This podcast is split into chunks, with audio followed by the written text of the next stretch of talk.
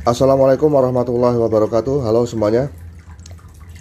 Kita untuk kuliah ke-8 ini Akan membahas pengumpulan data dasar Bagi perencanaan transportasi. Tapi sebelum kita masuk ke materinya Maka saya kembali mengingatkan Terhadap uh, grafik yang hubungan antara trip generation dengan trip distribution Yang sudah pernah saya berikan di uh, di materi yang lalu di mana di sini link antara trip generation dan trip distribution itu terbangun. Trip generation itu adalah jumlah perjalanan yang kemudian karakteristiknya sudah dibikin model dengan persamaan regresi. Nah otomatis misalnya Y sama dengan A plus BX X nya X, X nya itu adalah jumlah penduduk. Misalnya ya maka di tahun 2025 itu kita bisa kita memprediksi jumlah penduduk kemudian menggunakan persamaan regresi untuk menghasilkan jumlah perjalanan. Nah, kemudian prediksi jumlah perjalanan yang masih berupa global eh, apa bangkitan perjalanan itu ya itu akan disebarkan ke dalam matrik asal tujuan. Nah, nah penyebarannya itu nggak sembarangan ada banyak metode. Nah, itu yang yang harus dipahami. Uh, sekumpulan besar angka bangkitan perjalanan tersebut akan di didistribusikan ke sel-sel asal tujuan. Kan kita membuat matrik ya, matrik sel-sel matrik. Nah, selanjutnya bicara mengenai metode dalam trip distribution maka ada tugas yaitu menganalisis filosofi pemahaman kalian terhadap model itu seperti apa. Semua model distribusi perjalanan, yang metode langsung, metode tidak langsung, ya kan. Uh, kemudian antara uh, metode yang konvensional dengan non konvensional. Nah, carilah materinya, bikin beberapa kelompok ya, masing-masing itu ya. Kalau apa, distribution dengan fratar tuh rumusnya ini, kemudian artinya seperti apa? Nah itu di apa dibuat uraian oke itu adalah tugas kelompok. Jadi masing-masing nanti uh, dibagi ya ini ngerjakan apa ini ngerjakan apa sehingga semua materi dalam distribusi uh, semua model di dalam trade distribution terbagi rata untuk satu kelas. Bisa jadi ada beberapa kelompok nanti ya. Baik sekarang kita mulai nanti eh, kita mulai untuk membahas model perencanaan membuat model perencanaan transportasi. Tapi yang yang mendasarinya adalah bagaimana kita pengambilan datanya. Ya. Uh, mungkin udah, udah ada yang saya pernah saya jelaskan mengenai pengambilan data tersebut tidak apa-apa. Dan mungkin juga sebelumnya kalian khususnya yang yang TD 225 ya mungkin sudah pernah mendapatkan materi ya ini sebagai refresh pengingat. Uh, yang apa nanti bisa untuk lebih memahami. Karena memang pada intinya namanya survei memang harus dilakukan tapi nanti gimana kita cari jalan yang yang baik seperti apa ya. Baik kemudian eh, langkah-langkah dalam dalam penyusunan model perencanaan transportasi itu sebenarnya sederhana saja. Yang pertama seperti sudah sering saya sampaikan adalah peta menyusun peta tata guna lahan. Ya, tidak hanya peta tata guna lahan saja ya, ada jaringan jalan, kemudian eh, peta hierarki jalan. Nah, yang paling penting adalah langkah yang ketiga ini menetapkan zona transport. Ya, zona zona yang dilayani oleh jalan-jalan. Nah, ini sebenarnya juga waktu itu waktu waktu kuliah secara langsung juga sudah pernah saya jelaskan tapi ini ini sebagai dokumen kalian juga untuk uh, apa mereview kemudian refreshing refresh materi yang pernah dibelikan saya atau mungkin dosen yang lain. Nah, zona transport udah di, udah disusun dan nanti akan saya sampaikan untuk apa karakter umum bagaimana menyusun zona transport. Walaupun mungkin juga waktu itu sudah saya jelaskan ya bahwa zona transportasi juga bisa berdasarkan kelurahan. Menyusun permintaan angkutan menggunakan sampel. Ya, jadi kalau kita datang ke rumah tangga berarti kita itu nanti akan uh, apa mendapatkan data yang dibutuhkan seperti halnya kalian waktu tugas trip generation, tapi masih terbatas trip generation. Nah, tentunya home kalau sudah dilakukan home interview survey itu berarti dia sudah sifatnya hasil yang didapatkan nanti sudah siap untuk dianalisis dengan four step model. Kalau kemarin kan kalian hanya menganalisis trip generation. Nah, seperti itu ya. Nah, ada uh, sampel penelitian itu ditentukan, kemudian dilakukan analisis bangkitan perjalanan tiap zona atau mungkin bangkitan perjalanan seluruhnya dalam kota, kemudian distribusi perjalanan, lalu nanti uh, ya tadi yang saya sampaikan tadi ya dibagi ke dalam sel-sel matrik asal tujuan itu, lalu pemilihan moda untuk perjalanan antar zona dan pembebanan lalu lintas. Nah, itu udah udah siap kalau udah lakukan HI berarti sudah siap untuk dianalisis dengan Foster model. Nah, sebenarnya apa ya? Eh, kenapa kok dilakukan HI kemudian dengan target-target data seperti seperti itu? Karena ada kepentingan untuk menguji ciri dasar permintaan angkutan di wilayah studi, ya jadi ada ciri dasarnya permintaan atau demand terhadap lalu lintas atau terhadap angkutan juga itu memiliki ciri-ciri dasar, ciri-ciri dasar. Yaitu tadi berapa besarnya, jumlahnya, dari mana ke mana, naik apa lewat mana, gitu kan. Nah, setelah kita mendapatkan karakteristik umum dengan four model itu, maka kita dapat menetapkan apakah tingkat penawaran transport memadai untuk memenuhi permintaan yang ada. Kembali lagi keseimbangan antara supply dengan demand. Ya, apakah rekayasa lalu lintas itu juga juga merupakan uh, seperti misalnya dengan volume lalu lintas sekian maka uh, waktu hijau ideal itu berapa sehingga tidak terjadi antrian. Kalaupun terjadi antrian juga tidak panjang-panjang yang membuat secara psikologis orang lihat oh macet udah stres duluan. Seperti itu ya. Nah, kemudian masuk kepada slide yang berikutnya adalah penetapan wilayah studi. Ini adalah uh, apa daftar ya bagaimana kita menetapkan wilayah studi itu. Peta administrasi berbasis kelurahan atau zona atau desa, kemudian peta tata guna lahan.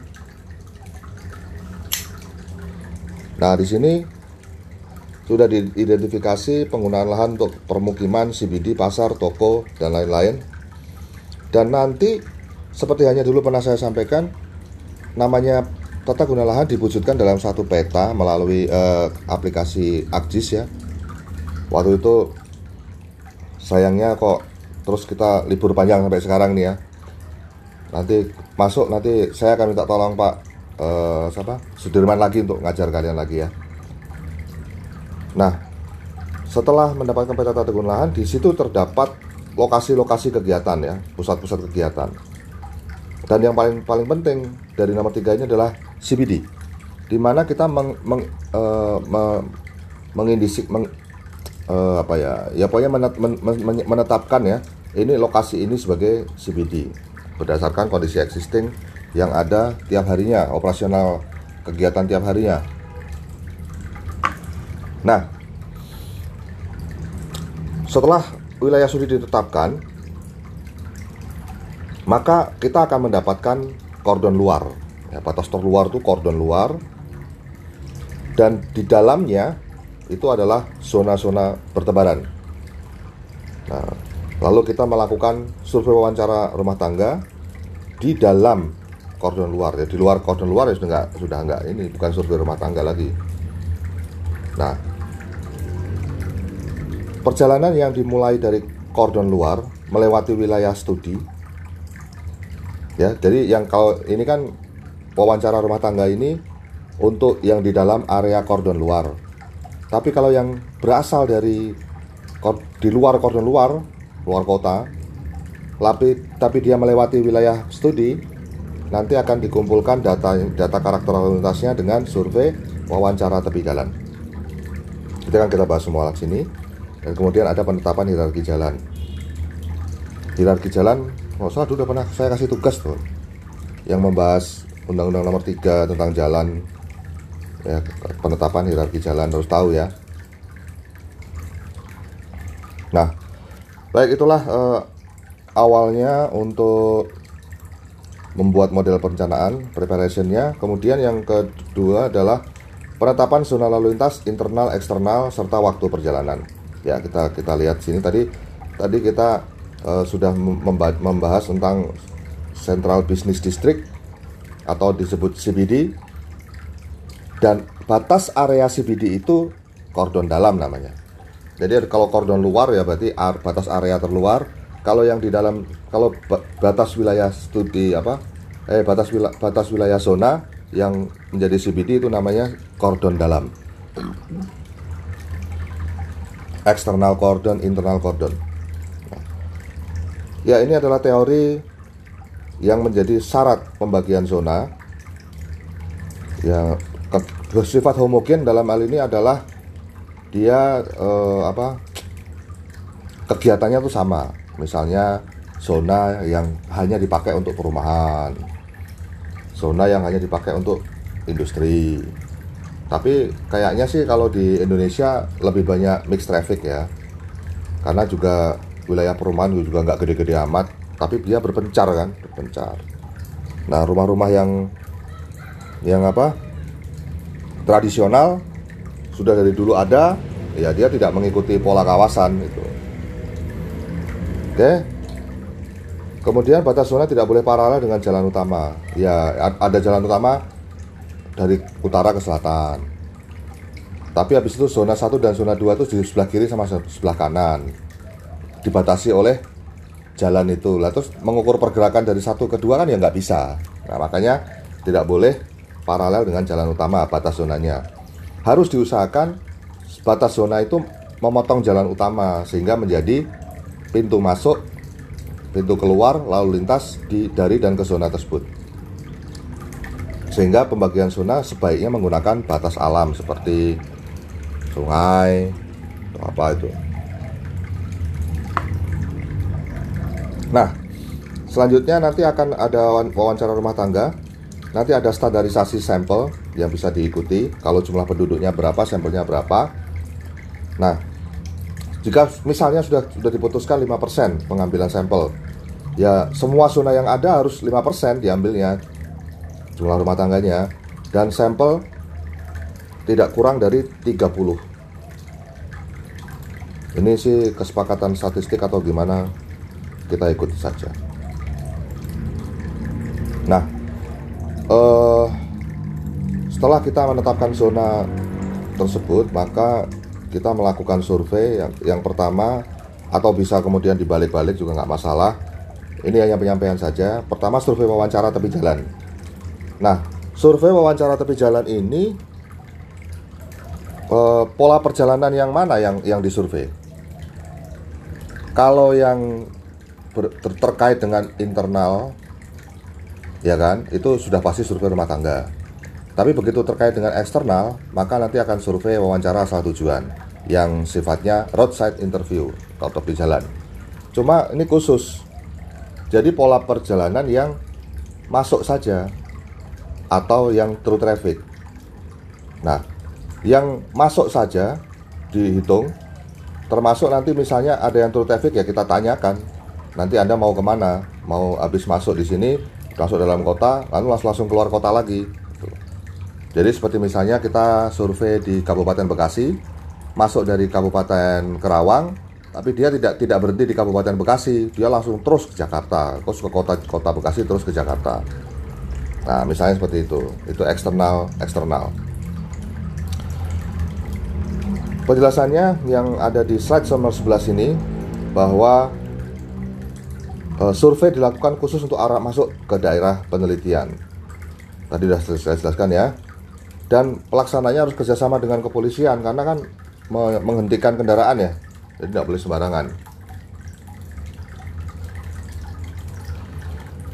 Dan mewawancarai pemilik itu kalau nggak ada polisi nanti pemiliknya malah ketakutan atau mungkin malah nggak mau itu ya nggak mau berhenti nanti bahaya bagi surveyor.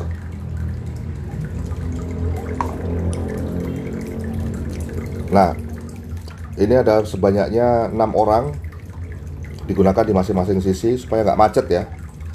Ini sebanyak enam orang. Ya tiga itu adalah ideal lah ya. Dan apabila ada bus diberhentikan busnya maka kita bisa bisa tanya berapa jumlah penumpang yang akan turun di kota itu dan lain sebagainya ya. Nggak mungkin satu persatu akan kita wawancara nggak mungkin. Nah kalau ang angkot angdes sih mungkin masih masih bisa. Paling isinya paling 5, 7 nah, itu bisa bisa kita tanya.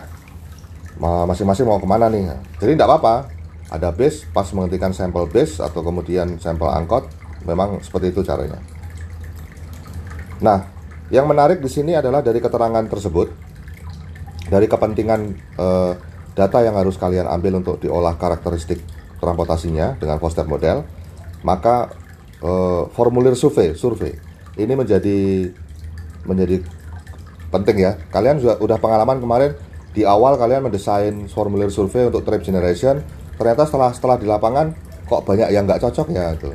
Jadi jangan sampai formulir survei yang kita desain itu uh, menjadi menjadi sia-sia kebanyakan pertanyaan tapi datanya kagak kagak dipakai. Nah makanya berorientasi pada tujuan apa sih kita mau apa nah itu. Nah di sini saya berikan contoh untuk formulir surveinya roadside interview. Uh, bisa disusun sendiri ya tidak harus mengikuti apa tapi yang penting minimal ada data jenis kendaraan jumlah orang dalam kendaraan kemudian daerah tujuan perjalanan dan maksud maksud perjalanan nah ini ya jadi kayak pendapatan apa segala macam kalau di survei proses interview saya pikir tidak tidak perlu. Tapi kalau diperlukan ya monggo. Makanya kalian semua harus harus harus cerdas dan berkemampuan tinggi untuk mendesain formulir-formulir survei ya. Nah, masuk kepada survei itu sendiri. Uh, di survei itu sendiri uh, dalam terkaitnya dengan dengan apa eh, karakteristik dari transportasi antar zona eh, di semua zona maka kita akan membahas juga selanjutnya setelah survei asal tujuan dengan roadside interview akan membahas survei lalu lintas. Ya traffic counting jadi pelaksanaan roadside interview itu ada traffic countingnya juga. Nah, kenapa harus dilakukan itu? Karena untuk menjamin bahwa hasil surveinya itu nanti sampelnya itu mewakili dan bisa untuk uh, nanti akan namanya validasi valid gitu ya. Jadi uh, perhitungan pemodelan kalian dengan step model yang menggunakan roadside interview itu nanti akan menghasilkan ujung-ujungnya akan menghasilkan jumlah kalau uh, kendaraan kan? Nah nanti di, dilihat apa selisihnya itu signifikan nggak dengan yang kamu TC pada, pada saat yang sama? Itu maksudnya seperti itu. Nah kemudian uh, terkait dengan survei perhitungan lalu lintas ini jelas dilaksanakan pada garis kordon luar tapi juga dilaksanakan pada ruas tertentu di dalam jaringan studi dengan prinsip screen line.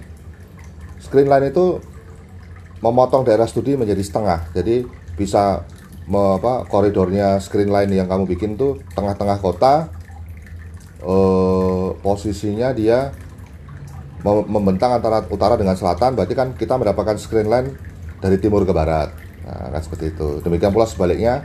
Nanti perpotongan screen line itu dengan uh, dengan ruas jalan itulah yang nanti akan dibikin buat validasi. Seperti itu ya. Untuk validasi itu sendiri nanti tentunya akan diajarkan.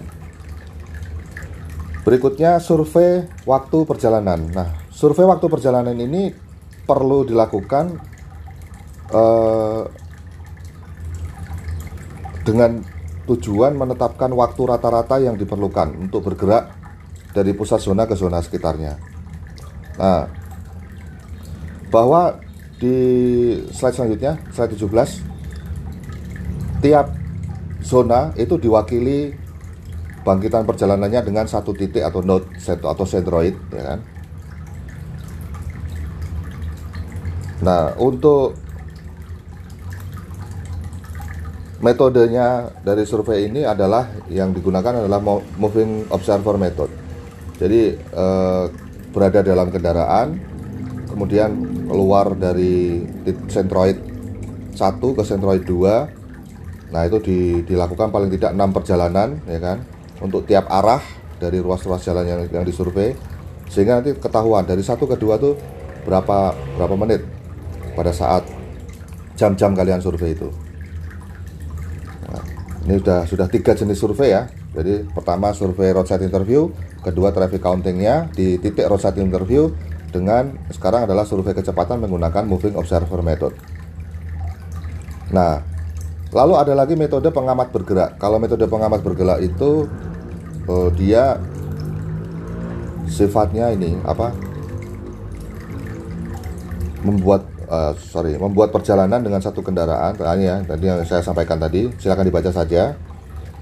Menghitung jumlah kendaraan datang berlawanan, bagaimana caranya itu ya menghitung jumlah kendaraan yang mendahului, kemudian berapa yang didahului, lalu waktunya diukur. Ini pada saat ini menggunakan moving car observer dengan posisi jalan dua apa dua direction ya kan?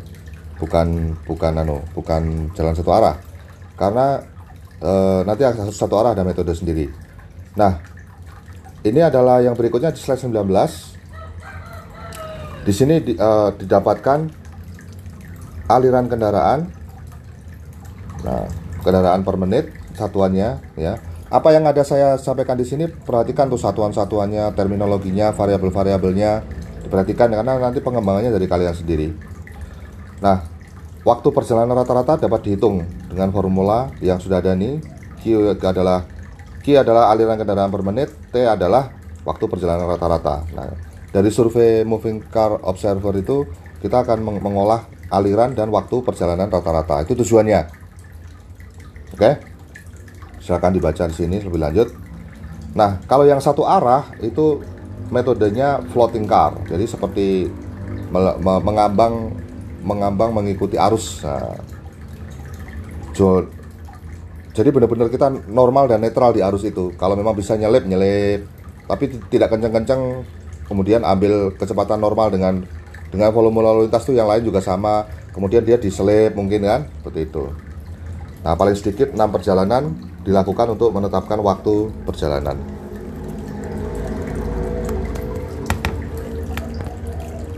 Nah yang selanjutnya kita masuk kepada survei wawancara rumah tangga atau home interview survey baik slide 22 di sini saya sampaikan antara 80%, 90% perjalanan bermula dan berakhir di rumah. Nah, ini disebut home base trip. Nanti ada ada lagi non home base trip ada. Saat ini memilah-milah antara perjalanan home base trip dengan non base non home base trip itu sedang disusun sama kakakmu Titis. Itu ya. Jadi waktu itu uh, saya saya memang bukan dosen pembimbingnya tapi uh, saya diskusi dan kemudian dia dia minta minta informasi minta apa masukan dari saya. Ya kemudian saya mulai perkenalkan bahwa ada home based trip dengan non home based trip. Kemudian sesuai dengan purpose atau maksud perjalanan. Nah itu. Jadi nanti ada yang home based trip work uh, home home based work trip. Home based non work trip. Nah jadi dua matrik asal tujuannya itu sudah berorientasi kepada uh, maksud perjalanan itu. Gitu. Nah, uh, karena model perjalanan home based trip ini dia kan tiap hari berulang-ulang gitu kan, dan membentuk pola gitu kan, maka karena berulang terjadi berulang-ulang dan membentuk pola, maka bisa dianalisis dengan uh, metode-metode statistik. Nah, kita bicara ambil sampel, kita anggap sampel itu mewakili seluruh zona. Nah, berikut ini di slide 23 uh, ada apa panduan mengenai besaran sampel. Kan nggak mungkin ya satu zona kita datangi semua rumahnya kita harus pakai sampel. Nah ini ada penduduk di wilayah ini. Ada ada yang dianjurkan berapa yang minimum berapa. Ya kalau kalau apa yang yang apa yang yang dianjurkan apa tuh? Yang dianjurkan itu uh, apa? Satu dalam lima tapi minimumnya adalah satu dalam eh, satu dalam sepuluh saya udah lama nggak bikin podcast ya jadi agak-agak kaku lagi kalau ngomong oke okay. uh, bicara lagi mengenai formulir. Makanya saya saya lebih senang kalian mendesain sendiri formulir kalian sesuai dengan kebutuhan supaya tahu butuhnya apa. Sehingga nanti uh, formulirnya juga tepat. Tapi kalau memang ada ada standar yang baku dari STTD silakan dipakai. Yang penting buat saya kalian paham target yang harus kalian capai. Nah, semua perjalanan yang disurvei itu adalah perjalanan anggota keluarga dalam 24 jam. Jadi pertanyaan paling mudah adalah kemarin ke mana saja, nah, seperti itu ya. Dan usianya di atas lima tahun. Nah ini ada ada ada ada beberapa variabel yang saya sampaikan, informasi rumah tangga yang diperlukan apa mas segala macam di situ. Saya tapi tidak ada nama di sini ya. Kebanyakan kalian pakai nama itu ya kemarin ini tidak usah ada nama. Uh, gender boleh ya. Nah, kemudian ada ada catatan dari saya bahwa kebanyakan sulit untuk mendapatkan jawaban tentang pendapatan. Karena orang biasanya me, me, me, apa? Ya, misalnya dia pendapatan 25 juta per bulan, dia bilang ya 10 juta paling gitu. Tapi kalau kita lihat di rumahnya pemilikan kendaraan ada mobil, ada sepeda motor, kemudian dia bekerja pemilik pemilik toko misalnya ya kita, kita pikir kalau 10 juta ya nggak masuk akal ya kan gitu. Nah, slide terakhir di sini ada ada ada catatan dari saya bahwa di negara berkembang ya termasuk Indonesia ya kan memang tidak ada data time series itu tidak terlalu tidak tidak terlalu dipentingkan ya syukur ada saja maka salah satu variabel dalam formulir HI home interview itu menanyakan kapan rumah dibangun kapan rumah mereka dibangun dan kapan dihuni. Sehingga nanti dalam satu wilayah kita tahu yang dibangun tahun 90-an yang mana, yang dibangun tahun 80-an eh, yang mana, kemudian yang baru-baru tahun-tahun 2000-an di mana, tahun 2010 seperti apa. Itu nanti akan akan bisa kita buat uh, semacam sketsa pengembangan uh, zona tersebut dari tahun ke tahun itu kan atau dari dekade ke dekade. Nah, uh, waktu melakukan perjalanan juga dicatat tujuan perjalanan maksud maksudnya ya moda transportasi yang digunakan. Nah variabel-variabel ini harus masuk di dalam formulir. Kalian mendesain mendesain formulir yang bagus seperti apa perhatikan juga apa yang apa yang akan kalian dapatkan di tiap langkah first step model. Nah satu perjalanan dari rumah ke pekerjaan pekerjaan ke, per, ke eh, pekerjaan ke toko kemudian balik lagi ke rumah, maka itu dihitung sebagai tiga perjalanan. Ya, seperti itu ya, model whole basicnya. Baik, materi mengenai pengambilan data ini sudah oke okay, karena saya juga sebelumnya waktu kita tatap muka, kuliah tatap muka juga sudah banyak menyampaikan hal ini. Nah, ini ini ini saya susun sebagai panduan kalian. Kerjakanlah tugas yang tadi mengenai filosofi dari model distribusi perjalanan dan kemudian kalian mulai belajar Eh, mereka-reka formulir surveinya untuk RSI seperti apa, floating car seperti apa, moving car observer seperti apa, kemudian HI seperti apa yang ideal bagaimana ya. Pelajari itu dibikin reka-reka. Tentunya kalau saya ngomong seperti ini juga pasti nanti akan muncul dalam ujian, oke? Okay? Baik, uh, materi sudah disampaikan, nanti materi-materi lain menyusul mudah-mudahan sebelum kalian uh, pulang udah paling tidak ada dua dua materi lagi lah ya. Dua atau tiga lah sehingga nanti kita bisa intens pada saat ketemuan nanti kita bisa kuliah tatap muka kalau nanti sesuai protokol kesehatan yang ada. Baik terima kasih semoga bermanfaat. Assalamualaikum warahmatullahi wabarakatuh. Jaga diri baik-baik. Salam buat bapak ibu di rumah